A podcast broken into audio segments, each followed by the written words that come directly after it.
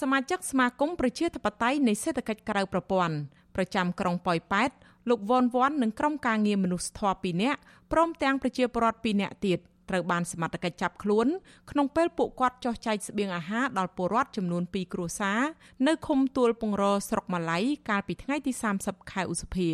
មន្ត្រីកងកម្លាំងប្រដាប់អាវុធខេត្តបន្ទាយមានជ័យបានបញ្ជូនពលរដ្ឋទាំង5នាក់ទៅសាកសួរនៅសាលាដំបងខេត្តនៅព្រឹកថ្ងៃទី1ខែមិថុនាក្រោយពេលឃុំខ្លួនពួកគេ នៅទីបញ្ជាការ PM ខេត្តអស់រយៈពេល2យប់ រហូតដល់ម៉ោង5រសៀលថ្ងៃដដែលអាជ្ញាធរមិនទាន់ដោះលែងពួកគាត់នៅឡើយទេលោកវ៉ាន់វ៉ាន់ធ្លាប់ជាតំណាងសហគមន៍ដីធ្លីផ្លូវរថភ្លើង នៅសង្កាត់ផ្សារកណ្ដាលក្រុងប៉ោយប៉ែតកន្លងមកលោកបានដឹកនាំប្រជាពលរដ្ឋតវ៉ាទាមទារឲ្យអាជ្ញាធរក្រុងប៉ោយប៉ែតដោះស្រាយទំនាស់ដីធ្លីរបស់ពួកគាត់ជាង100លើករួចមកហើយប៉ុន្តែរហូតមកដល់ពេលនេះពុំមានដំណោះស្រាយនោះទេប្រពន្ធរបស់ជនជាប់ឃុំលោកវ៉ាន់វ៉ាន់ គឺលោកស្រីសុំសុធី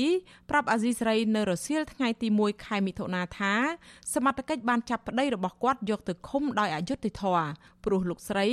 ថាប្តីគាត់មិនបានប្រព្រឹត្តខុសច្បាប់អ្វីឡើយស្ត្រីវ័យ36ឆ្នាំរូបនេះបញ្ជាក់ថាប្តីរបស់គាត់គ្រាន់តែយកអង្ករប្រេងឆាទឹកត្រីនិងទឹកស៊ីអ៊ីវមួយចំនួន ដែលជាជំនួយរបស់សប្បុរសជនចុះចែកជូនដល់ពលរដ្ឋក្រីក្រ នៅទីជនបទដាច់ស្រយាលនៅឃុំទួលពងរប៉ុណ្ណោះ។ ចោតនឹងខ្ញុំលឺហើយខ្ញុំហួសចិត្តខ្ញុំថាគាត់មិនមានពាក់ព័ន្ធទេហេតុអីក៏បញ្ជូនខ្លួនគាត់ទៅហើយសូមឲ្យគាត់ទម្លាក់បទចោតនឹងចោលទៅព្រោះអីគាត់មិនបានពាក់ព័ន្ធនឹងរឿងនឹងទេគាត់ទៅនេះទៅនឹងមានយកអំណោយទៅចែកឲ្យជាពលរដ្ឋនៅនឹងហូបដែលតាមគាត់សុំជាស្បៀងអាហារហូបចុកហ្នឹងចាព្រោះអីពួកគាត់គាត់សុំជាស្បៀងអាហារហូបចុកឆ្ងល់ក៏រោមបានអីមិនបានបញ្ហាកូវីដផងឲ្យផងអាស៊ីសេរីមិនអាចតាក់ទងមេបញ្ជាការកងរាជអាវុធហត្ថខេត្តបន្ទាយមានជ័យ លោកបនបិននិងអ្នកនាំពាក្យសាលាដំបងខេត្តលោករឿនលីណាដើម្បីសូមអត្ថាធិប្បាយជុំវិញការចាប់ខ្លួនពលរដ្ឋនេះបានទេនៅថ្ងៃទី1ខែមិថុនាដោយទូរស័ព្ទចូលជាច្រើនដង តែពុំមានអ្នកទទួលប៉ុន្តែប្រពន្ធរបស់ជនជាប់ឃុំលោកស្រីសុំសុធីប្រាប់ថាការចាប់ខ្លួននេះដោយអាជ្ញាធរបានចោទប្រកាន់អ្នកទាំង5នាក់ថានាំគ្នាទន្ទ្រានដីព្រៃដោយខុសច្បាប់ប៉ុន្តែត្រូវបានលោកស្រីបដិសេធជុំវិញរឿងនេះអ្នកនាំពាក្យសមាគមការពារសិទ្ធិមនុស្សអាត់ហុក លោកសឹងសែនករណា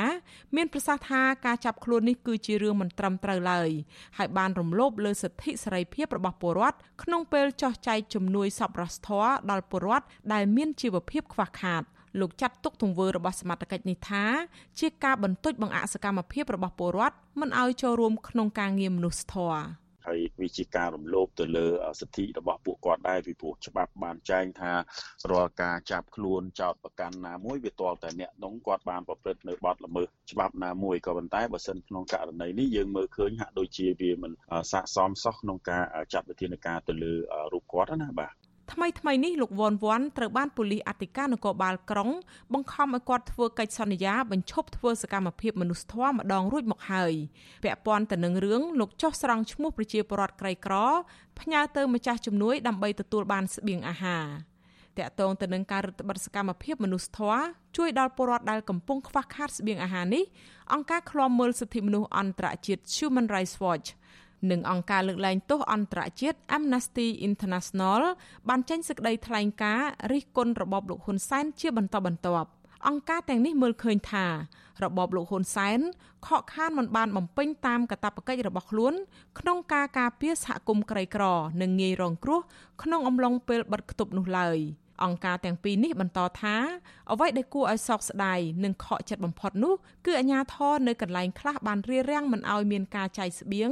ឬបង្កឧបសគ្គដល់ការចែកស្បៀងទាំងនោះទោះជាប្រជាពលរដ្ឋត្រូវការជំនួយជាបន្ទាន់យ៉ាងណាក្តី។ ពួកគាត់ទាមទារឲ្យអាជ្ញាធរអនុញ្ញាតឲ្យអង្គការជាតិនិងអន្តរជាតិព្រមទាំងក្រុមអ្នកផ្ដល់ជំនួយទទួលបានសិទ្ធិពេញលេញជួយដល់ពលរដ្ឋដែលកំពុងស្រែកឃ្លានស្បៀងអាហារ